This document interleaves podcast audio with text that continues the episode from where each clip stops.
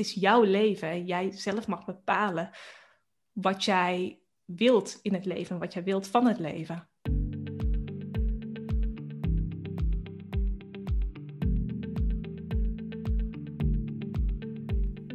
Welkom bij de Liefdesbrigade podcast. Mijn naam is Jasmine Lindenburg en als holistisch therapeut begeleid ik jou bij het proces naar innerlijke vrijheid.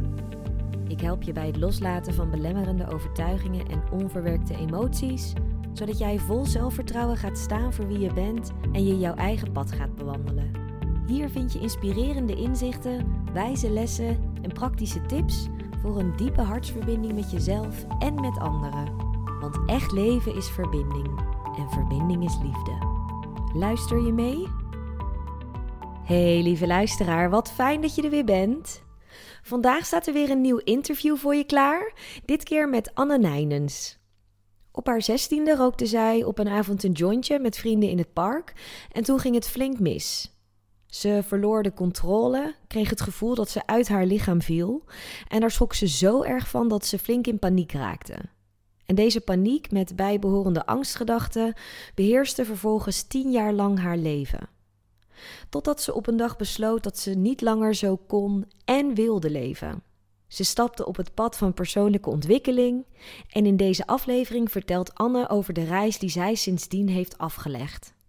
Inmiddels is ze werkzaam als hypnosecoach en helpt ze ondernemers om door blokkades en oude patronen heen te breken, zodat zij ownen wie ze echt zijn. Daarnaast host Anne haar eigen podcast, de Anne Nijnen Show, en heeft ze samen met Stephanie Smolders de Hot Seat Coaching Podcast.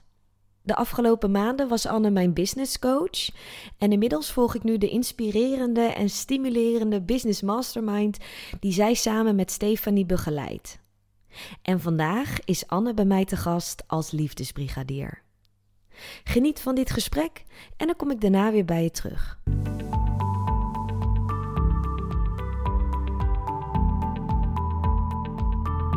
Wat superleuk dat je hier bent, Anne. Welkom in de podcast. Ja, dankjewel voor de uitnodiging. Ik ben ook blij dat ik hier mag zijn. Ja, nou goed. Ik uh, we gaan gewoon gelijk beginnen, want ik, heb gewoon, uh, ik ben heel nieuwsgierig naar uh, alles wat je, wat je me kan vertellen vandaag. En jij weet het al, maar misschien de luisteraar nog niet. dus laat ik daar ons eerst even mee beginnen. Dat de Liefdesbrigade een groep mensen is die leven in het licht en die liefde verspreiden op hun eigen manier. En deze groep mensen die weten dat hè, als je dat wil doen, dat het dan allemaal eerst bij jezelf begint. Dus dat het belangrijk is om dan eerst je eigen licht te vinden van binnen en om eerst die liefde in jezelf te vinden. En daarom is mijn eerste vraag voor jou ook: wat betekent zelfliefde voor jou? Prachtige vraag en wat een mooie missie heb je ook met de Liefdesbrigade. Wat zelfliefde voor mij betekent, is jezelf zien voor wie je werkelijk bent. Jezelf omarmen en te mogen zijn met al je mooie en minder mooie kwaliteiten. En echt die, ja, die diepe liefde voor jezelf. Want als je jezelf kunt liefhebben en jezelf kunt zien voor wie jij bent, dan kun jij ook anderen zien voor wie zij zijn. Ja, mooi. Dus echt die volledige acceptatie van alle kanten van jezelf. Ja. Ja. En hoe zit dat bij jou, bij jezelf op dit moment? In deze periode in je leven? In deze periode in mijn leven ja, heb ik heel erg geleerd dat alles er mag zijn. Er zijn altijd in je leven natuurlijk momenten dat het wat minder lekker gaat of dat je wat minder lekker in je vel zit. En over het algemeen ben ik nou zo goed de laatste jaren sowieso gewoon een heel positief en vrolijk persoon. Maar er zijn ook momenten geweest waarop ik wat minder positief en vrolijk was. En soms in je dag merk je dat ook wel, wat pieken en wat dalen. En daarin heb ik heel erg geleerd dat dat er ook mag zijn. En dat ik niet per se altijd de super positieve en vrolijke persoon hoef te zijn. Niet naar anderen toe, maar ook niet naar mezelf toe. En ja, dat voelt heel, heel fijn dat ik gewoon mezelf mag zijn daarin. Ja, dat je jezelf dan ook echt die ruimte gunt om jezelf te zijn. Ja, ja, precies. Ja, want ehm, ik heb wel een tijdje gehad dat ik echt vooral op dat positieve en dat vrolijke, dat ik dat eigenlijk nog meer, want dat is een mooie kwaliteit van mezelf, wat ik eigenlijk nog meer wilde versterken. En dat elke keer als het dus wat minder was, dat ik dan ook, dat ik mezelf ook wat minder accepteerde. Want ik was toch die vrolijke persoon? Ik was toch die, die positieve persoon? En waarom kon ik dat dan op zo'n moment dan even niet voelen? Maar door te zien bij mezelf en ook bij anderen van er zit altijd een bepaalde pieken en dalen daarin, was dat ook meer oké om momenten waarop ik me wat minder lekker voelde, inderdaad, om dat te, te accepteren. En, en daardoor ook niet mezelf af te wijzen daarop. En die mindere momenten waar je het dan over hebt, uh, in welke periode van je leven was dit? Ja, ik heb wel een hele lange tijd, ongeveer tien jaar lang, heb ik last gehad van angst- en paniekaanvallen. En naar de buitenwereld, die merkte daar misschien niet zo heel erg veel van. Maar in mij was het toch wel heel erg een gevecht. Een gevecht met mezelf. Een gevecht tegen al die angsten en al die stemmetjes die ik over mezelf had, die overtuigingen die ik over mezelf had, wat ik allemaal niet kon. En daardoor werd mijn wereld wel veel kleiner. En kon ik steeds minder en was ik steeds meer bang om nieuwe dingen te ondernemen. En ik heb daar wel een lange tijd eigenlijk niet over gesproken, ook met anderen in mijn omgeving. En eigenlijk ja, wel toch een beetje een masker gedragen.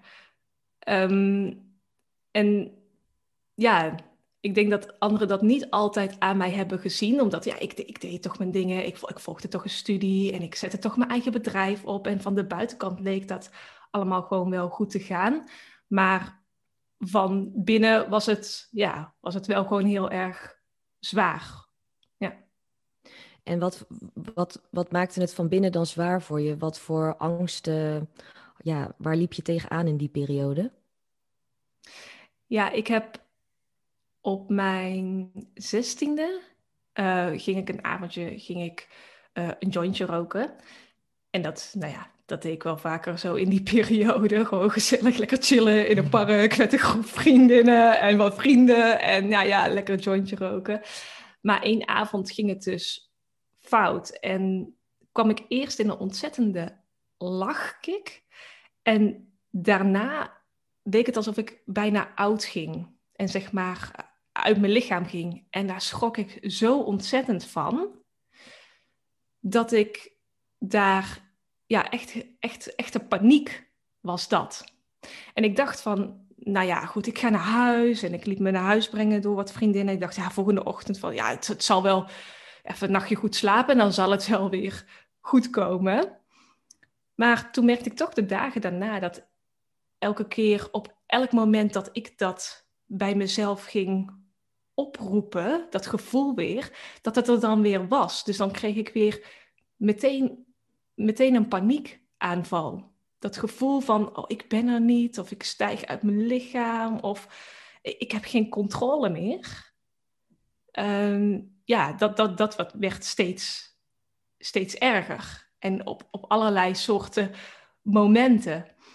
Dus, en daar, daar kwamen heel veel angsten uit voort. Bijvoorbeeld dat ik uh, bang was om uit te gaan. Ik ging nog wel uit met vriendinnen, maar in mij was het dan wel een gevecht, omdat ik dacht van wat als ik straks oud ga, of als ik flauw val, of uh, als ik te veel drank ga drinken. Ik, ik ben ook echt nooit echt dronken geworden, omdat ik, ik durfde die controle niet, niet los te laten. Ik dacht, ik wil, ik, ik, wil dat, ik wil dat niet meer. Um, dus ja, van een avondje uit, dat werd al, dat vond ik echt al zo spannend eigenlijk om dat te doen. Tot, ja, tot eigenlijk helemaal op het einde, toen durfde ik zelfs niet meer bijvoorbeeld met de trein te reizen. Want dan was ik bang van, oh, wat gebeurt er als er iets gebeurt en ik zit in de trein en ik kan er niet uit. Dus dat. Maar ook helemaal aan het einde van die angstige periode, toen durfde ik zelfs niet meer naar de supermarkt te gaan. En dat was wel een moment dat ik in de rij stond uh, in de supermarkt. En toen kreeg ik weer zo'n paniekaanval. En ik dacht, ik moet, ik moet eruit, ik moet weg. En nee, ik, ik moet naar huis. Uh, en toen dacht ik wel van, ja, zo, dit, zo leven wil ik niet meer. Want het beperkt mijn hele leven. En voor alles ben ik bang. En ik, ik kan gewoon helemaal, helemaal niks meer eigenlijk. En ik, ik deed wel dingen, maar van binnen was het echt zo'n strijd dat ik gewoon echt ontzettend vermoeid was eigenlijk van al die, al die angsten en het zo moeten leven. En uh, ja, dat heeft er wel een impact, uh, sowieso natuurlijk mentale impact, maar ook wel impact gehad op mijn, op mijn lichaam, want die was, was ook gewoon op. Ja. Ja, terwijl ik naar je verhaal zit te luisteren, kwam ik gelijk in me op. Zo, dat moet ook echt vermoeiend zijn geweest, zo'n periode. Ja. Dat je gewoon telkens dingen wel probeert en wel doet, maar dat je van binnen steeds die innerlijke strijd hebt. En dat dat kost gewoon zoveel energie, kan ik me voorstellen. Ja, het voelde constant als vechten. Zo van aan de ene kant heb je een ontzettende angst in je, en voel je je gerend, maar aan de andere kant zit er ook een deel dat denkt, ja, nou niet zo zeuren en uh, gewoon gaan, zeg maar. En wat, wat is toch allemaal onzin? En je, je bedenkt het allemaal zelf. Het zit allemaal in je hoofd. Want ik had natuurlijk allemaal lichamelijke klachten kreeg ik ook. En daar was ik dan ook mee naar de dokter gegaan, allemaal bloedonderzoeken gedaan. En er kwam vrij weinig uit. Dus ja, er werd ook gezegd, het zit in je hoofd. Dus aan de ene kant wist ik ook wel van, ja, er zit, er zit ook echt iets in mij, maar ik kon dat niet ik kon dat niet shiften, ik kon dat niet uh, doorbreken. Dus dat was inderdaad een hele erge strijd. Ja, dag in, dag uit. Ja. Ja, totdat je dan stond in die rij in de supermarkt en dat je toen echt voelde, en nu ben ik er gewoon klaar mee. Ik wil gewoon echt dat het anders gaat. Ja, ja, precies. Ik was er zo klaar mee, want ik had altijd hele mooie dromen. Ik wilde bijvoorbeeld de wereld overreizen. En ja, dat, bijvoorbeeld zulke dingen, dat, dat deed ik ook al niet, omdat ik bang was om te vliegen, bijvoorbeeld. Dus ja, ik dacht, zo, wat, wat is mijn leven dan eigenlijk als ik dit allemaal niet meer kan doen?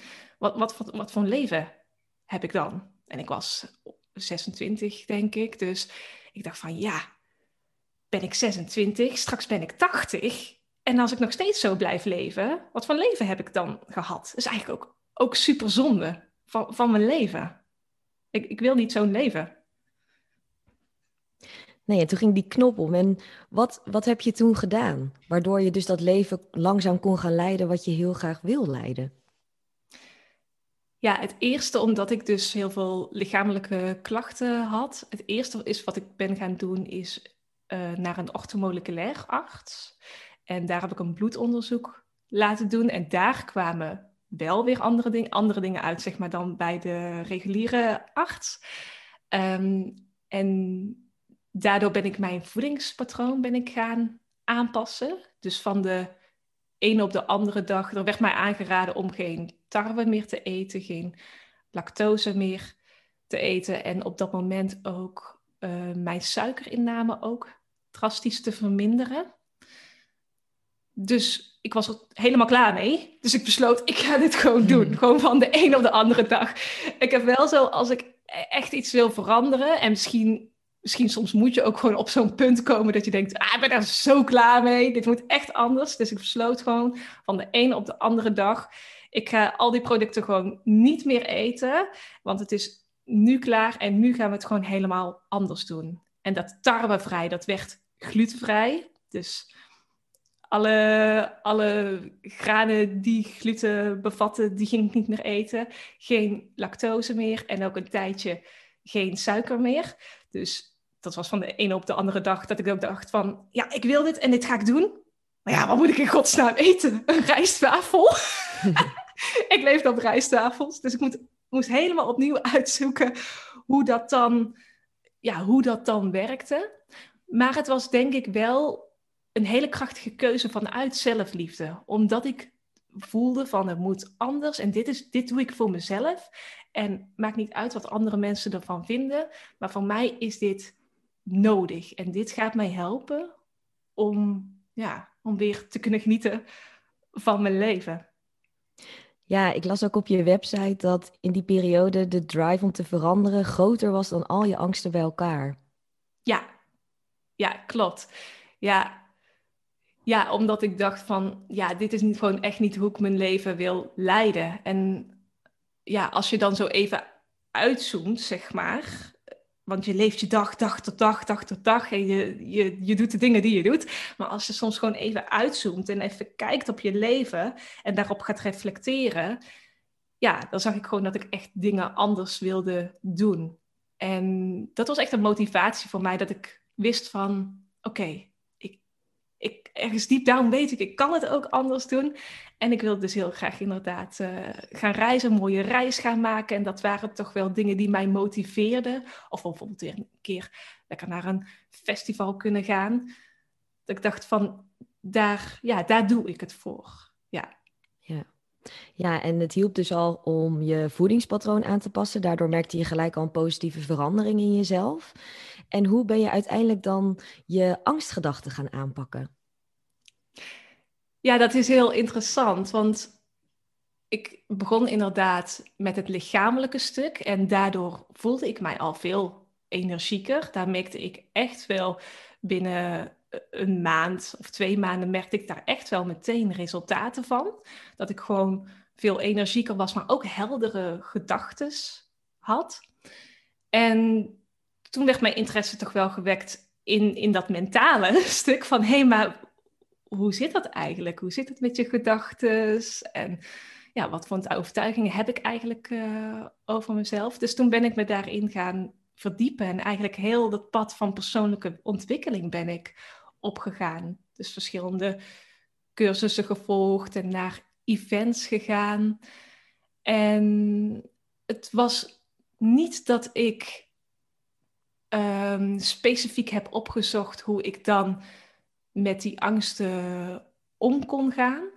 Maar het was wel dat ik ontdekte dat ik eigenlijk van kinds af aan um, al de kracht van mijn brein gebruikte door middel van visualisatie. Dus als kind heb ik heel lang in een uh, streetdance wed wedstrijdteam gezeten. En wat ik dan altijd deed, tussen de trainingen door was om die dansjes in mijn hoofd te oefenen. Elke avond voordat ik ging slapen.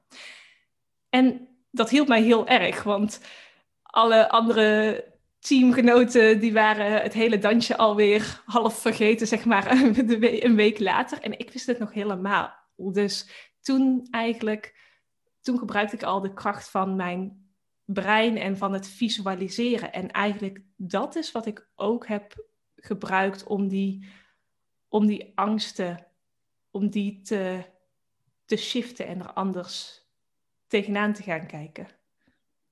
En weet je nog hoe je dat toen in het begin hebt gedaan? Wat, wat hielp jou daar dan bij? Um, nou, bijvoorbeeld met de vliegangst wat ik heb gedaan, is uh, heel concreet dat ik gewoon op mijn bed ben gaan liggen en gewoon in gedachten deed alsof ik in het vliegtuig zat, dan kreeg ik al helemaal die angsten en al helemaal hoge ademhaling. En, uh, en op dat moment dan heel bewust daarmee zijn met die gevoelens en al, al die angstgedachten. En elke keer dat een beetje proberen te shiften. Dus proberen in zo'n moment een ander gevoel bij mezelf op te roepen. Dus in plaats van, oh nee, ik zit hier opgesloten en dadelijk krijg ik een paniekaanval en kan ik er niet uit.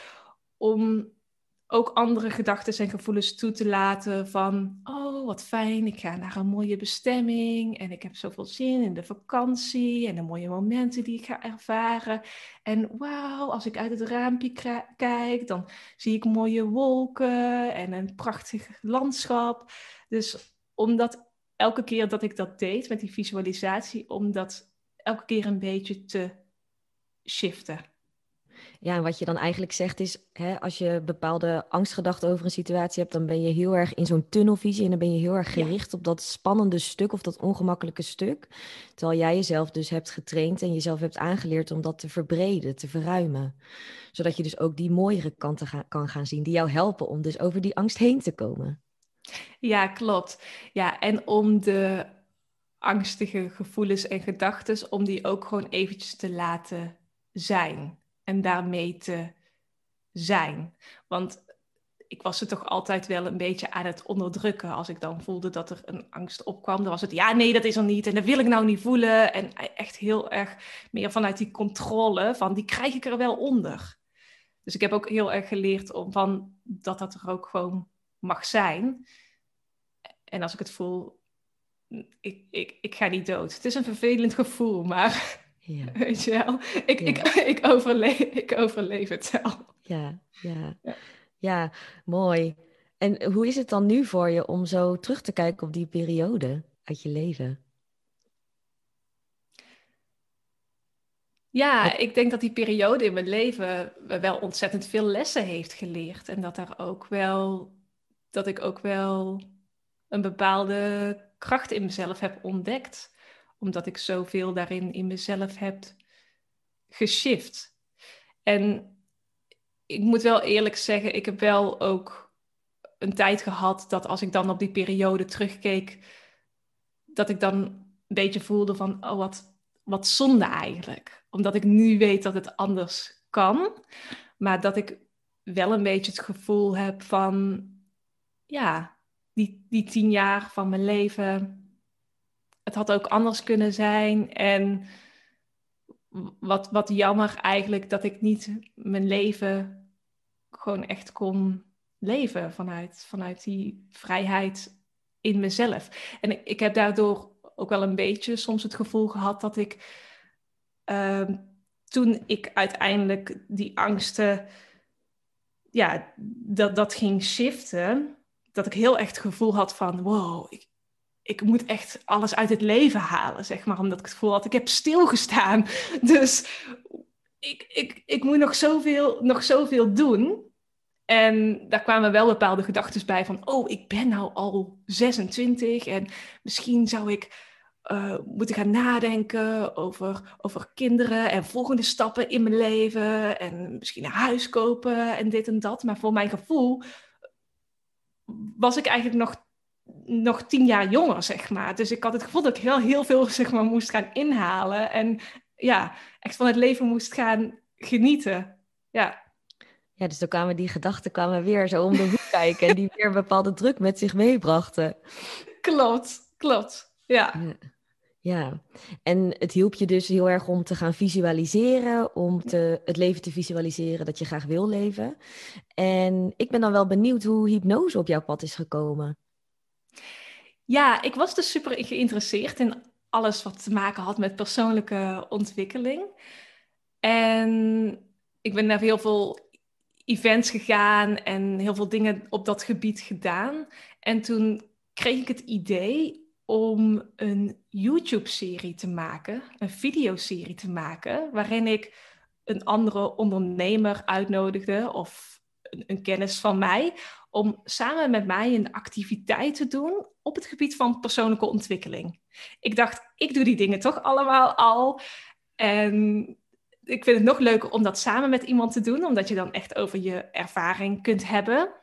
Plus ik dacht, hoe leuk is het, want ik heb ook een achtergrond in video, om dat dan te laten filmen, zodat mensen die daar misschien ook over nadenken, zeg maar, dat dan kunnen zien. En als het ware met ons mee op reis kunnen, op een innerlijke reis kunnen. Dus zo heb ik breathwork heb ik gedaan en Osho-meditatie heb ik gedaan. En ik heb uh, cryotherapie gedaan. Dat is in zo'n vriescel, zo'n koelcel zitten. Dus ik heb allemaal ongelooflijk interessante activiteiten gedaan. Maar één ding daarvan dus was ook hypnose. En dat heeft toen eigenlijk zoveel voor me betekend, die ene hypnose-sessie, dat het mijn interesse heeft gewekt van, wow, wat, wat een krachtig middel is dit eigenlijk, om, om een ander beeld van jezelf en daardoor ook een ander beeld van de wereld te krijgen. En zo is mijn interesse daarin wel gewekt. Ja. Hmm. En was het dan ook zo dat die ene hypnose, hypnosesessie dus echt meer met je deed dan die andere dingen die je net noemde? Ja, zeker. En dat kwam ook doordat ik in die hypnosesessie dus terugging naar die ene ervaring waar ik dus die joint aan het roken was met vrienden en vriendinnen. En ik ging in die sessie terug naar die ervaring. Uh, en in het begin was dat heel intens, omdat ik daar allemaal bepaalde gevoelens en gedachten aan had gekoppeld. Maar in hypnose, in die staat van trance, ga je dus anders kijken naar, bepaalde, naar een bepaalde situatie. En voor mij was dat dus die situatie. En laat je er de emoties die er toen misschien niet mochten zijn, of die je hebt weggedrukt, die mochten er in die hypnosesessie zijn. Waardoor het voor mij super helend was om er op een andere manier naar te kijken. En het uiteindelijk ook een hele fijne en leuke ervaring was. En ja, dat was gewoon de kern van waar het allemaal zeg maar was begonnen. En ik ging terug naar die kern. Ik ging het, ik, ik ging het daar veranderen. Daar, daar ging ik het shiften. Dus ja, dat heeft een ontzettende impact eigenlijk gehad op de rest daarvan. Want de rest wat er uit is voortgekomen, dat, dat had geen basis meer, zeg maar, om op, op te staan. Want wat, wat had je tijdens die sessie dan geshift in die, op dat moment? Ja, ik beleefde dus weer helemaal die ervaring van dat ik in dat park zat en die joint ging, ging rond en ik ging, uh, ik ging uit mijn lichaam. Um, en wat ik daarin heb veranderd is eerst om die hele angstige gevoelens en die paniek om die te uiten. Daarna daalde ontzettende rust over me. En kon ik met andere ogen kijken naar die situatie, dat het toch eigenlijk best wel gezellig was. En dat het super grappig was. En ik belandde in de hypnose zelfs nog in een lachkick. En dacht ik, oh, dit is echt, wat een leuke ervaring is dit eigenlijk gewoon wat je met vrienden en vriendinnen doet. En was eigenlijk die hele lading van dat uit je lichaam treden of het even in een ander soort wereld zijn, was, was niet meer zo heftig. Dat was gewoon een, een moment waarvan je denkt, oh grappig, lol. ja. Ja, dus echt die lading, die emotionele lading, die was er af. Ja, klopt. Ja, en dat kan dus al één sessie, één hypnosesessie kan dat al doen. Ja, ja, ja, ja bizar is dat. Hoe, hoe dat, uh, ja, wat voor een impact dat uh, kan hebben ja, daar ben ik nog steeds super dankbaar voor. Ja, want wat merkte je na die sessie? Wat voor shifts ontstonden er in jou en in je leven? Ja, na die sessie voelde ik gewoon, ja, het was als een soort bevrijding. En voelde ik ook echt van, wauw, ik kan nog meer doen dan ik, dan ik, dan ik, dan ik dacht. En ik kan echt zijn wie ik, wie ik, ja, wie ik werkelijk ben ja, het betekende heel veel voor me. En ja, ik dacht, als, als ik dit kan en als ik alles wat ik zeg maar de afgelopen jaren heb gedaan en dan, dan, dan, dan, dan kan ik zoveel meer. ja. Zoals vliegen bijvoorbeeld. Zoals vliegen, inderdaad. Ja, ja ik ben, uh, heb hele mooie verre reizen mogen maken, inderdaad, naar Bali en Thailand en Singapore en naar Amerika, waar je toch wel 11 uur in een vliegtuig moet gaan zitten. En ik was dan altijd bang om een paniekaanval te krijgen in het vliegtuig. En ik heb dus ook twee keer meegemaakt dat iemand naast mij of in de rij naast mij onwel werd. En dat is heel naar om dat te zien. En dat ik zeker ook paniekgevoelens kreeg. Maar dat, dat, eigenlijk, ja, dat ik daar eigenlijk gewoon mee kon zijn. En dat dat oké was. Maar, en dat die gevoelens ook weer weggingen. Dus dat was een hele mooie mm, test, zeg maar, eigenlijk voor mij. Om te merken van, hé, hey, oh, dit kan ik eigenlijk ook gewoon, gewoon aan. Ja, nou ja, goed. En als je een vlucht van 11 uur kunt maken, ja, dan kun je er ook een van 14 uur maken. En dan kun je eigenlijk, zeg maar, ben je, ben je vrij om, om te gaan en staan waar je wilt. Ja, ja gaaf gaaf dat dat dan uiteindelijk dan toch is gelukt. En dat die visualisaties op je bed, hè, van toen je jonger was, dat die uiteindelijk werkelijkheid zijn geworden. Ja, zeker. Klopt.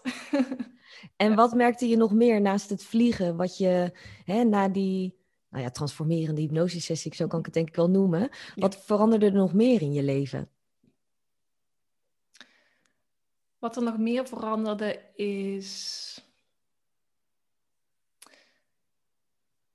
Ja, ik denk ook wel dat ik mezelf meer liet zien. Dat ik echt veel meer voor mezelf ben gaan staan. Voor wie ik ben en wat ik doe en waar ik in geloof. Ik, ik was door de angsten, maar ook gewoon door een bepaalde conditionering, zeg maar, vanaf toen ik klein was, heel erg dat ik me aanpaste aan, aan anderen. Aan wat ik dacht dat zij van mij verwachten. Waardoor ik op een gegeven moment helemaal niet meer wist van, maar wat, wat wil ik nou? Het was zelfs zo erg dat ik gewoon niet eens meer wist van, als iemand vroeg, wat wil je te drinken? Dat ik dan dacht van, ja, oh ja, wat wil ik eigenlijk inderdaad? Dat ik altijd gewoon maar deed wat, wat voor de anderen het beste was, zeg maar. Dus vanuit een ander denken en mezelf daarop aanpassen. En ja, die hypnosesessie heeft er ook wel heel erg bij bijgedragen dat ik veel meer mijn eigen keuzes ging maken. En veel meer ja, voor mezelf ging staan daarin. En ook ging ontdekken van, maar wat, wat, wil ik nou? En wat wil ik nou van het leven? En wat wil het leven van, van mij? En, en daarin krachtige keuzes inderdaad te maken. Ja, en ik denk dat veel mensen dit ook wel herkennen. Dat ja, dat je door de jaren heen een, een aangeleerde zelf hebt ontwikkeld. Dus dat je heel erg bent gaan aanpassen aan je omgeving. En dat je door een ervaring, en bij jou was het dan hypnose, dat je begon in te zien, ja, maar het is nu tijd voor mijn authentieke ik. Ik wil gewoon echt mezelf kunnen zijn en dat ook kunnen laten zien aan de wereld. Ja. Wat, welke stappen heb jij toen gezet om, om echt te ontdekken wat jij echt wilt?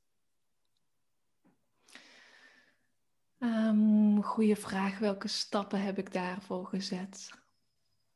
Nou, weet je wat het is? Ik stiekem, diep van binnen, weet ik eigenlijk altijd wel best wel duidelijk wat ik wil. Dat wist ik vroeger al. Mijn moeder vertelt altijd zo'n verhaal dat ik dan geen streepjesbroeken wilde dragen. Want dat wilde ik absoluut niet. Dus ik weet van mezelf, ik heb, ik heb, dat, ik heb dat al in me. Vroeger had ik dat al in me. Dus ik weet vaak wel wat ik wil. Het is meer dat ik dan bang ben om ervoor te kiezen of dan die stap te nemen. Zoals bijvoorbeeld dat ik, ik had, uh, ik had een eigen onderneming, maar ik had ook nog een parttime baan in loondienst. En ik wilde gewoon heel graag die, die baan in loondienst opzeggen en gaan reizen. En dan lekker online ondernemen met mijn laptop. lekker de hele wereld uh, rondreizen. Dat leek mij uh, fantastisch. En dat was wel iets wat ik echt graag, graag wilde. Ja. En, en die stap, die heb, ik, die, die heb ik wel gezet. Ondanks wat misschien anderen vonden of wat anderen dachten. Maar omdat ik dacht van, ja, hallo, ik heb nou al zo'n lange tijd al niet geleefd. Dit is gewoon wat ik wil. Ik ga hiervoor. Om dat dan wel te, wel te doen. Ja. Dus ik denk dat misschien ook degene die dit nu luistert, misschien zelf ook wel deep down weet wat je wil. Maar het is meer om daar dan gehoor aan te geven. En dat jou, jouw verlangens en jouw behoeftes, dat die er mogen zijn. En dat je daar ook voor mag kiezen. Ja, vooral dat laatste is heel mooi dat je die zegt. Inderdaad, dat, dat, is, dat je verlangens er mogen zijn en dat je er ook voor mag kiezen. Ja. Het is uiteindelijk wel jouw leven. Ja, en dat is precies inderdaad, dat zeg je mooi, het is jouw leven inderdaad. Je hoeft niet het leven te leiden van, van, van een ander inderdaad. Niet, niet, niet van je ouders, niet, niet van een ander niet. Het is, het is jouw leven. Jij zelf mag bepalen wat jij wilt in het leven, wat jij wilt van het leven. En zou je dan zeggen dat jij nu echt jouw leven leidt? Ja, ik moet soms mijzelf nog wel in, uh, in de vingers knijpen. van, nou hallo, is dit, is dit mijn leven inderdaad? Omdat je hebt bepaalde dromen, bepaalde verlangens. En op dat moment is dat echt heel, heel groot. Maar naarmate jij zeg maar actiestappen neemt en jij daarin ook verandert, als je dan op een gegeven moment zo'n mijlpaal, zo'n droom hebt behaald, dan voelt dat heel anders dan toen je die droom had. Dus dan is het misschien minder euforisch, zeg maar. Dus ehm, ik leef nu zeker het leven waarvan ik had gedroomd, maar ik mag mezelf daar wel vaker aan herinneren. Want als je daar, daar eenmaal bent, dan zijn er weer andere dromen, zeg maar. Zijn er weer andere stappen. En ik ben wel snel geneigd om gewoon weer, weer verder te kijken naar de volgende stappen. Maar ja, mag je ook bewust zijn van wat er nu al is. Want ja, ik, ik, uh, ik heb nu al drie jaar, het is nu drie jaar geleden dat ik mijn baan in loondienst heb opgezegd.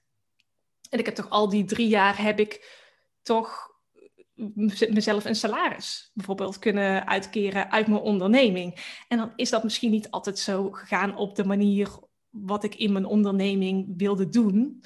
Maar ik heb dat wel gedaan. Dus, en ik kan eigenlijk nu gaan en staan waar ik wil. Ik werk online, dus in principe, ja, nu kan het dan niet. Maar zou ik wel gewoon inderdaad mijn laptop op kunnen pakken en kunnen gaan reizen en ergens in een ander land kunnen gaan werken. En dat is wel altijd wat ik heel graag wilde. En dat leven heb ik inderdaad voor mezelf gecreëerd. Maar dat is wel inderdaad nog een bepaalde bewustwording die ik zelf wel gewoon op dagelijkse basis wel mag hebben van... hey, dit heb je toch wel mooi geflikt. Dit heb je zelf gedaan. Dit heb je zelf gecreëerd. Ja. ja. Ja, dus ook echt even stilstaan bij waar je nu staat in vergelijking met die jaren geleden. Ja. En ja, dat is ook mooi dat je dan dat je jezelf er eigenlijk aan herinnert hoe ver je dan al bent gekomen ook. Ja, ja, zeker. Want die Anne van drie jaar geleden, of zelfs die Anne van, van tien jaar geleden bijvoorbeeld, die had echt getekend voor dit leven. Die had echt gezegd, ja, dit wil ik. Als, als ze zou weten dat, wat, wat ik nu doe. Ja. Wat zou je willen zeggen tegen de Anne van tien jaar geleden? Wat ik tegen de Anne van tien jaar geleden zou willen zeggen. Toen was ik 23 jaar. Dus toen zat ik nog uh, in die periode van die angsten en die paniekaanvallen. Mm, dan zou ik willen zeggen.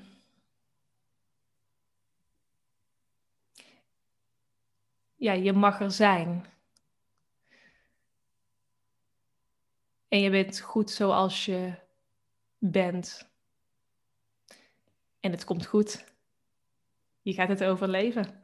Je hebt het overleefd. Ja, ja echt mooi. Ja, en vooral dat je mag er zijn. Ja. ja. En omdat je dat dan zo zelf hebt ervaren, hè, want nu kun jij ook weer terugkijken op die periode en kun je ook zien dat die verandering, die positieve verandering echt gaat komen en dat je ook echt dat leven kan gaan leiden wat je toen heel graag wilde leiden. Is dat voor jou ook de drijfveer in jouw eigen business nu? Ja, ja eigenlijk is mijn eigen pijn dat is ook mijn missie inderdaad. Om anderen te helpen om ja, te zien en te voelen dat je meer bent dan de overtuigingen die je over jezelf hebt. Ja, dat je jezelf kunt bevrijden uit die kooi van onbewuste gedachten die je over jezelf hebt gecreëerd. En dat je inderdaad je eigen leven mag leiden vanuit plezier en vanuit vrijheid. Ja, en daar, daar helpt hypnose dan bij. Dat is wat jij inzet in je coaching. En ook als je dan naar je eigen persoonlijke ontwikkeling kijkt, wat, wat heeft jou daar naast hypnose nog bij geholpen? Ja, ik gebruik inderdaad hypnose, maar het is wel, ik gebruik het ook met andere technieken. Dus ik gebruik ook NLP, en ik gebruik ook systemisch werk. En ik denk dat een stukje systemisch werk, dat gaat ook heel erg over je eigen leven leiden, je eigen leven leven, je eigen plek innemen. Ik denk dat dat me ook heel erg heeft geholpen. Dat gaat ook heel erg over je, jezelf zien. Jezelf zien voor wie jij bent. En bij systemisch werk dan is het uitgangspunt, als ik het goed begrijp, dat je dus onderdeel uitmaakt van een systeem. Dus dat je als mens in verschillende systemen je bevindt. ja, mm, klopt. Wat voor, want dan komt gelijk bij mij het woord verbinding naar boven. Wat voor rol speelt verbinding bij jou in jouw leven en in jouw persoonlijke ontwikkeling? Ja, verbinding, dat is toch wel een beetje mijn woord. Mensen zeggen ook altijd tegen mij van, je bent echt een verbinder. Ehm, in verbinding met anderen, tenminste zo werkt het voor mij, hè, leer ik mezelf ook, ook beter kennen. Van mij helpt die verbinding met anderen, die diepe hartsverbinding met anderen, helpt me om te groeien als persoon. En in mijn bedrijf is verbinding, ja, dat komt gewoon heel veel terug, omdat ik er gewoon ontzettend van houd om andere ondernemers met elkaar te verbinden, maar ook, ook met een groep te werken. Ik, heb, ik denk dat ik dat ook wel heb geleerd, van dat je niet alles alleen hoeft te doen. Ik denk dat ik toch wel een lange periode alles alleen heb gedaan. Of, of misschien een bepaalde bewijsdrang. Dat ik dacht van ik moet dit toch alleen kunnen. Maar dat het gewoon zo fijn is om jezelf te laten dragen door anderen. En dat je ook gedragen mag worden door anderen. En daarin speelt die verbinding met anderen een hele belangrijke rol. En vooral in het ondernemerschap. Dat hoe fijn het is dat je een krachtig en sterk netwerk hebt. Mensen die je supporten, mensen die je motiveren, mensen die er voor jou zijn. Ja, ja, dat is echt de kracht van, van verbinden en de kracht van, van samenwerken en de kracht ook van delen van de dingen die je op dit moment doormaakt en wat er bij je speelt in je leven. Ja, ik denk ook dat je samen ook veel meer kunt bereiken ook dan, dan alleen. Ik heb op dit moment ook een samenwerking met een andere ondernemer, maar het is ook zo krachtig om dingen samen te doen en elkaars kwaliteiten daarin te zien, maar elkaar daarin ook te versterken. Dus ja, samen kunnen wij meer bereiken in deze wereld dan, dan alleen. Ja, alleen ga je sneller en samen kom je verder. ja. ja, klopt. Ja, ik, inderdaad, is ook wel inderdaad zeker een leerproces voor mij geweest. Want ik heb wel altijd uh, gehad dat ik dacht van... Uh, ja, ik doe het wel alleen, want dan weet ik tenminste dat het op mijn manier gaat. En dan weet ik tenminste dat het goed is. dus daarin wel moeten leren van hoe dat dan is om met andere mensen samen te werken. Maar ook ervaren dat, dat, ook, dat het ook juist heel, heel fijn is, inderdaad. Ja. Om niet alles zelf te hoeven dragen. Ja, want was dat dan voor jou ook in die angstige periode de reden dat je dat die periode niet met anderen echt deelde? Ja, ja, sowieso had ik best wel moeite, denk ik, met het uiten van mijn emoties. Bijvoorbeeld ook huilen, dat, dat, dat kon ik bijna niet. Ik weet nog dat het uh, ook in die periode had ik een andere vriend en daar ging het dan mee uit. En dan had ik liefdesverdriet en ging ik naar een vriendin toe. En eigenlijk daarvoor moest ik, moest ik helemaal huilen. Maar dan kwam ik bij die vriendin en dan kon ik gewoon niet meer huilen ik denk dat ik me, ja, denk dat ik me gewoon heel erg ongemakkelijk voelde om die emoties te uiten. Maar ook om, uh, om anderen er voor mij te laten zijn. Ik had toch denk ik ergens het gevoel van ik moet dit alleen kunnen, ik moet sterk zijn. En ja, ik moet het, ik moet dit zelf kunnen oplossen. En ja, gewoon echt heel erg, misschien herkent degene die dit luistert dat ook wel, maar heel erg dat zorgen voor anderen en dat geven geven. En ook in bijvoorbeeld met zo'n vriendin dan heel erg de focus en de aandacht op haar. Maar als het dan over mij ging, oeh nee, dan, dan voelde dat ongemakkelijk. Ja, dus daarom heb ik mezelf best wel afgesloten. Ja. Ja, ik, uh, ik herken mezelf daar ook heel erg in, zoals ik vroeger ook. Dus ik herken dat ook wel, ja, dat je heel erg gericht was op de buitenwereld. Ja. Maar ja, wat ik ook al eerder zei, het begint allemaal bij jezelf van binnen. Dat je eerst ook die aandacht aan jezelf kan geven. En ja. ja, dat je jezelf het dan ook, jezelf kan toestaan om het verdriet dan bijvoorbeeld echt te voelen, ook in het bijzijn van iemand anders. Ja, klopt. Maar ik dacht, denk ik onbewust toch wel dat ik daar misschien een ander mee zou belasten. Ik wil het vooral eigenlijk goed hebben voor de ander. En dat de ander zich ja, ook niet te ongemakkelijk daarbij zou voelen, zeg maar. Dat eigenlijk. En dat, ik gewoon voor de ander aan het denken was. en me aan het aanpassen weer was. Ja, dus dat was hoe je er vroeger naar keek. En hoe kijk je daar dan nu naar?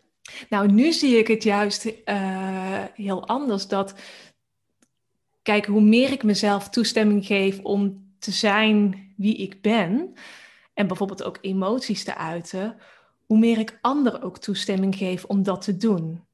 En daarin dus kun je ook een ander inspireren. Want als ik me openstel en ja, mezelf laat zien, dan krijgt een ander ook dat gevoel en die ruimte om dat ook te doen. Dus ik zie nou juist dat je vanuit die verbinding dat dat heel veel moois brengt. En dat is eigenlijk ook de basis van, van mijn werk nu en van de hypnose ook. Want dat draait volledig om het vertrouwen en jezelf openstellen en die veilige ruimte bieden. Dus daar sta ik nu wel heel anders in en zie ik dat je het ook op een andere manier kunt ervaren. Dus door zelf je kwetsbaar op te stellen, dat een ander dat ook mag. En hoe mooi dat is, dat je daardoor nader ook tot elkaar komt en elkaar meer begrijpt en elkaar echt van mens, ja, echt die verbinding van mens tot mens en echt de mens in elkaar ziet.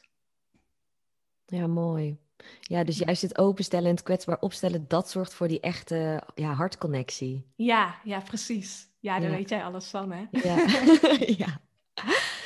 En je noemde het net al inspireren. En dan ben ik benieuwd, wie, wie zijn jouw inspiratiebronnen? Wie zijn mijn inspiratiebronnen? Ja, ik heb wel verschillende inspiratiebronnen. Mm. Ik heb niet echt iemand waarvan ik echt super fan ben. Maar ik denk, um, nou, qua, qua ondernemer bijvoorbeeld, is Kim Munnekom voor mij wel echt een inspiratiebron. Omdat zij zich dus ook heel open opstelt en kwetsbaar is en gewoon zichzelf is. En dat is wel heel erg wat ik in een ander bewonder. Iemand die gewoon, ja, die gewoon zich, zichzelf is. En door zichzelf te zijn, ook haar bedrijf laat groeien, maar ook andere toestemming geeft om ook zichzelf te zijn. Dus daarin is zij zeker een inspiratie voor mij. Er zullen vast nog meer mensen zijn die mij inspireren, zeker weten, maar. Of misschien mensen die je tijdens je persoonlijke ontwikkelingsreis bent tegengekomen, of zijn daar nog mensen die dan nu bij je opkomen van je denkt, ja, die hebben ook wel echt iets teweeggebracht in mij? Nou, wie mij, als we het dan hebben over, over het vak hypnose, dan heb ik zeker wel iemand waar ik super fan van ben. Ik hoor dus dank, aan hoe je erover dus spreekt. Dus dank je wel voor het stellen van die vraag, want soms, dit is niet iets waar ik dagelijks over nadenk, zeg maar. Um, maar dan is Darren Brown, is wel echt een ontzettende inspiratiebron voor mij. Ik weet niet of je hem kent, maar hij heeft, uh, ja, hij heeft ontzettend interessante shows waarin hij eigenlijk laat zien hoe krachtig wij als mens zijn en hoe krachtig onze mind is. En wat wij met ons, onze mind kunnen, kunnen doen. En dat vind ik super gaaf. Ik had ook, ik had ook uh, tickets geboekt met een vriendin voor een show van hem. Maar goed, dat was vorig jaar en dat ging, hmm. dat ging niet door. Dus hopelijk kunnen wij dit jaar uh, naar Engeland om een show van hem te zien. Maar ja, ik, ik vind hem wel echt dat ik denk van wauw, zo'n impact inderdaad zou ik ook, uh, ook op mensen willen hebben. En niet per se in de vorm van zo de shows die hij geeft, maar gewoon meer de, de intentie vanuit waar hij dat doet en wat hij, wat hij laat zien. En wat is het grootste inzicht dat je van hem hebt gekregen of door hem hebt gekregen? Nou, het allergrootste inzicht is dat ik eigenlijk in mijn, uh, mijn persoonlijke groei en mijn zoektocht naar van wie ben ik en wat wil ik en wat wil ik met mijn leven, dat, dat ik daarin uh, heel erg ook een bepaalde uh, richting de spiritualiteit ben gegaan dus heel erg ook die kant heb onderzocht. En wat ik dus echt van Darren Brown heb geleerd en wat echt mijn ogen heeft geopend, is hoe erg dat, dat spirituele, ehm, hoe erg dat ook een, ehm, ja, hoe erg dat ook in ons brein zit. Dus hij heeft bijvoorbeeld ook een aflevering gemaakt over glaasje draaien. Dat bijvoorbeeld. En dat, dat, was, dat heeft hij gewoon helemaal zo, die omstandigheden zo gecreëerd, dat de mensen die daaraan meededen, gewoon helemaal zo zeg maar, ja, in die hypnose, in die trance werden meegezogen in dat verhaal. En bepaalde dingen gingen zien, gingen horen, omdat zij dus, ja, omdat als jij, als jij dus een bepaalde beeld hebt, een bepaald, bepaalde overtuiging hebt, dan zie jij in jouw wereld, in jouw realiteit, zie je zeg maar daar de bewijzen van. En hoe dat dan zo met hoe hij dat heeft gecreëerd, is ontzettend interessant om dat te bekijken. Van hoe jij dus zelf zulke dingen kunt, kunt zien, kunt voelen, kunt ervaren. Terwijl ze er niet zijn. En ik denk dat ik op een bepaald, bepaalde, bepaald deel in mijn reis ook wel heel erg naar dat spirituele veel meer ben gaan hangen als een soort van, ja, als iets wat mij misschien wel hoop gaf. Ehm, en, en ja, ik denk dat dat wel mijn ogen heeft geopend van, oh wacht, het zit allemaal wel echt in onszelf. en je kunt een heel verhaal creëren en bepaalde dingen, ja, daar rondomheen creëren. En mensen kunnen dat daarin dus zelf met je eigen brein, dus bepaalde dingen zien, voelen en, en horen. En hoe dat werkt, ja, dat vind ik gewoon echt, uh, gewoon echt fantastisch. Ja, ja dat is het ook. Ja. Ja. Je, ja, je bent de eigen creator van jouw eigen werkelijkheid. Ja, en dat is inderdaad wat hij constant laat zien.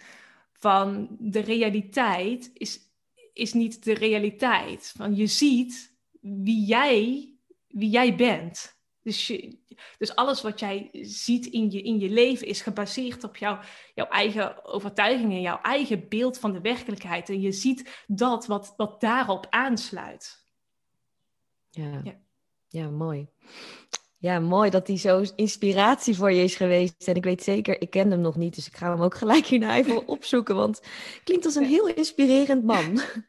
Ja, zeker. Ja, en ook denk ik omdat ik uh, in die periode van die, uh, van die angst- en paniekaanvallen ook allemaal bang was voor geesten en dergelijke. En dan nu toch ja, dat meer op, ja, meer op wetenschappelijk gebied, zeg maar, dat zulke dingen verklaard worden, denk ik, oh wauw, dit is wel echt, ja, dit was voor mij wel echt mind-blowing. Dat ik dacht van, wauw, ik kan inderdaad helemaal mijn eigen werkelijkheid creëren.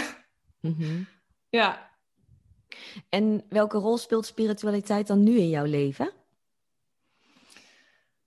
Ehm, ja, goede vraag. Ik denk dat ik heb geleerd dat het niet, uh, niet, niet buiten mezelf ligt. En uh, dat, dat alles dus in, in mij zit. Dus uh, ik ben ook een lange periode ben ik bezig geweest met kaarten leggen bijvoorbeeld. En dat, kan je, dat kan je heel mooi gebruiken om zeg maar, het gesprek met jezelf aan te gaan. En nou ja, op jezelf in te tunen. Maar op een gegeven moment werd het voor mij meer iets van iets waar ik mijn, mijn dag aan ging vastleggen, zeg maar. Dus van, oh, als ik deze kaart krijg, ja, dan heb ik een kutdag. En als ik deze dag kaart krijg, oh nee, dan gaat het helemaal goed. En werd ik als het ware bang om een slechte kaart zeg maar, te trekken. Dus uh, op dit moment ben ik me denk ik wel heel erg bewust van dat het, dat het, dat het allemaal in mij zit. En heb ik mezelf die kracht teruggegeven om het niet, niet buiten mezelf te gaan leggen. En niet, ja, niet iemand anders of iets anders mijn dag of mijn ja, mijn emoties te laten bepalen. Ja, dus stel dat er iets zou gebeuren, ook in je dagelijks leven, een situatie wat dan even helemaal niet zo gaat als je wil, of het loopt gewoon compleet anders en je voelt daar sterke, intense, ongemakkelijke emoties bij. Mhm. Wat helpt jou dan om wat helpt jou dan op zo'n moment? Om daar gewoon mee te zijn. Om dan, om dan niet te gaan denken van, oh, dit was een reden daarvoor. Of uh, nou, gewoon daar een heel verhaal aan op te hangen. Ehm, maar gewoon, gewoon er even naar mij, naar mij te gaan van, ja, ik voel dit. hey, wat maakt dat ik dit voel? En ja, wat, wat, wat, zit er in mij? En voor mij helpt het wel heel erg om het, om het uit te spreken, heb ik wel gemerkt. Dus mij helpt het heel erg om met, een, met iemand anders erover te gaan praten. En zodra ik erover praat, dan die ander hoeft nog, nog niet eens mij te helpen of iets te zeggen. Maar als ik het hardop zeg, dan, dan, ja, dan, dan uh, krijg ik alweer nieuwe inzichten over mezelf. Maar om dat gewoon te, te laten zijn. En als ik even boos ben, dat ik dat dan ook gewoon uit. Dat moet, moet dan gewoon even uit me. Dan denk ik, ah, ik ben even boos. het gaat allemaal niet zoals ik wil. Ah. En dan is dat ook weer eruit. Ja, dat. Ja, dus dat is eigenlijk heel erg wat je zei in het begin toen ik je vroeg wat zelfliefde voor jou betekent. Dat alles wat je voelt of alles wat er is op dat moment, dat dat er gewoon mag zijn. Dus die volledige zelfacceptatie. Ja, ja, precies.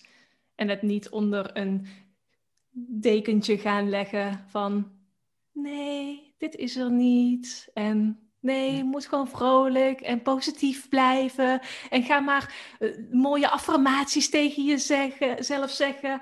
En, en iets luisteren waardoor je weer in de high vibe komt. En als, als het ware wordt dat dan zo'n zo'n onbewuste berg, zeg maar, die zich steeds zo ophoopt, inderdaad. Van alles wat je ja, met zo'n dekentje hebt bedekt, wat er niet mag zijn. Ja, ik geloof ook echt dat dat een beetje de valkuil is van persoonlijke groei. Dat je denkt dat alles maar altijd positief moet zijn. Ja. Dat dat ook een beetje de valkuil is van spiritualiteit. Dat alles maar altijd licht en liefde moet zijn. Maar ja. ja. hier op aarde zijn ook gewoon heel veel situaties soms gewoon heel rot.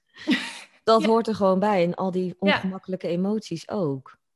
Ja, het is gewoon echt daarin het, het leven nemen met alles wat erbij hoort. En wat je zegt, er zijn mooie dingen, maar er zijn ook minder mooie dingen. En dat hoort ook bij het leven.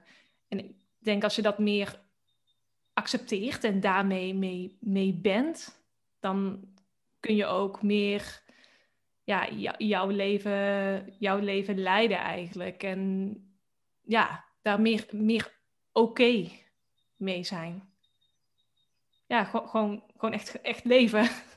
Ja. ja. Er zijn altijd dingen die, die, die minder mooi zijn.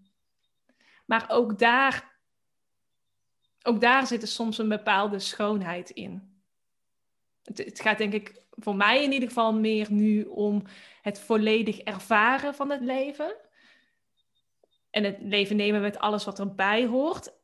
En dat is volledig ervaren van inderdaad positieve momenten in het leven, maar ook het volledig ervaren van, van minder mooie momenten. En zijn er dan bepaalde dingen die je tegen jezelf zegt of bepaalde affirmaties die jou helpen op die momenten dat het dan weer even wat minder gaat? Als het even wat minder gaat, ga ik gewoon lekker in bad zitten. Want water is voor mij altijd heel erg rustgevend. en dan, uh, dan is het vooral, denk ik, mezelf niet forceren om zulke dingen tegen mezelf uh, te zeggen. Dan is het gewoon van, ja, ik, ik, voel me nou even zo, ga maar lekker even in bad zitten of, uh, of lekker even wandelen. Of um, gewoon even totaal even focussen ergens, ergens anders op, inderdaad. Ja. Waar jij je echt goed bij voelt. Ja, ik denk dat het da daarom gaat van voelen waar jij je goed bij voelt en waar je op dat moment behoefte aan hebt. En, en dat ook niet wegdrukken, maar dat, dat dan ook op dat moment jezelf ook gunnen. Ja, want, want daardoor, als ik dan even een moment heb dat het wat minder gaat, uh, ja, daardoor wordt het ook minder, minder erg, omdat je het ook niet wegdrukt, het even er laat zijn. En daardoor ja, zit ik vaak sneller al wel weer in, in een wat positievere flow. Ja, als je het gewoon ruimte geeft om te stromen, dan stroomt, vindt het ook sneller zijn uitweg. Ja, ja, dat is het. Ja, mooi gezegd. Ja. Met de stroom meegaan, hè? Precies, ja. ja. Ja, en je hebt het ook een paar keer genoemd in dit gesprek, dat je het hebt over hè, echt je, jezelf zijn, ownen wie je bent, je eigen leven leiden, doen waar je verlangen ligt. Wie wie ben jij dan echt? Wie ben ik dan echt? Wat een mooie diepe vraag. Wie ben ik dan echt? Ja, ik zou bijna willen zeggen, ik ben mezelf. Ja.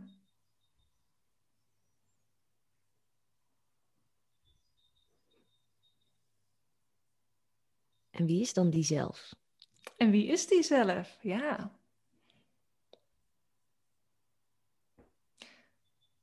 Dat is denk ik een hele,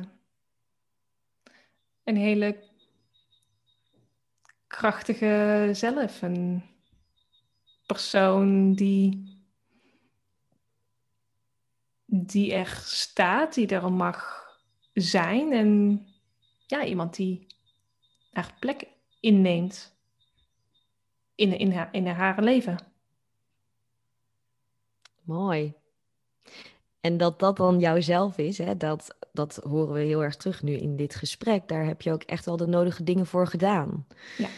En dat laat ook wel zien dat het ook echt mogelijk is om die persoon uiteindelijk echt te zijn. Om die krachtige ik te zijn, die echt volledig ja, in het leven staat als een krachtige zelf. En dat is ook heel mooi dat je dat ook verwerkt nu in je werk en dat je anderen daarbij helpt om dat ook te realiseren, om dat ook waar te maken voor zichzelf.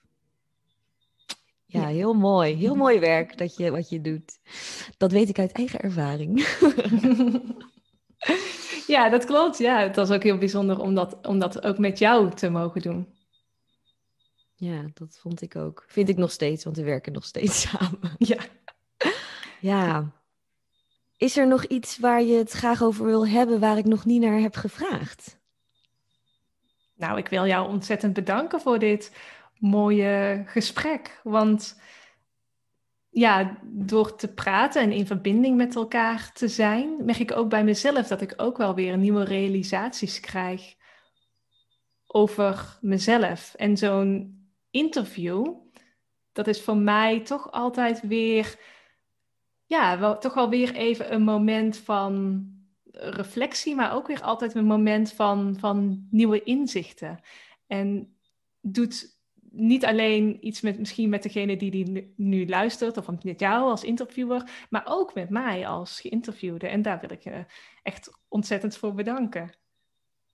Ja, ik ben dan ook gelijk nieuwsgierig. Wat is dan een nieuw inzicht dat je over jezelf hebt opgedaan? Zou je dat willen delen?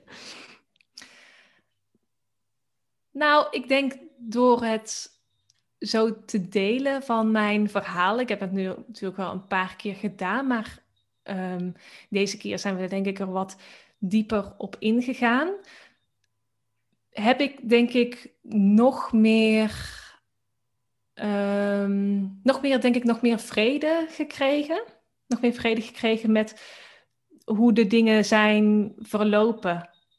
En ook een bepaalde, bepaalde kracht daar ook voor mezelf weer uitgehaald, inderdaad. Van, en ik denk ook nu nog meer is weer nog meer het vuurtje aangewakkerd van yes, ik leef en kijk waar ik nu sta. En dat, dat, dat, vind, ik wel, dat vind ik wel een mooi, een mooi inzicht van door het, door het hierover te hebben en door dit zo te bespreken, is het voor mezelf ook weer een, een mooie realisatie van wauw, kijk, kijk waar ik nu sta en hoe ik, hoe ik nu mag leven. Want ja, soms leef je gewoon je, je dag, je dag en uh, ja, ik kijk heel erg gewoon in het nu. En ik kijk ook vaak gewoon in de toekomst. Van, oh, dit zou ik nog wel willen. Of dit zou ik nog wel willen. Maar nu we er zo mooi even hebben, hebben uitgezoomd en verschillende dingen hebben aangeraakt, denk ik, wauw, ja. Ik mag ook, mag, ook wel, mag ook wel trots op mezelf zijn. En uh, ik, ben, ik ben blij met mezelf, ja. Dus dank je wel daarvoor. Ja, mooi dat je dat eruit hebt gehaald. Dat is ook wat je eerder zei in ons gesprek. Om even af en toe gewoon even die, dat moment te nemen om echt even te kijken waar sta ik nu en welke reis heb ik tot nu toe al afgelegd. En daar ook trots op kunnen zijn. Ja, ja, ja, precies. Ja, vooral dat trots op jezelf zijn. Ja. ja, want ik weet dat vele anderen dat ook lastig vinden, inderdaad, om echt, echt, echt trots op jezelf te zijn. Ja. Uh, wie je bent en waar, en waar je staat. Ja, en dat we dan vaak te veel vooruit kijken waar we allemaal nog naartoe willen. Maar dat het heel erg helpt ja. om ook te kijken wat je al hebt afgelegd.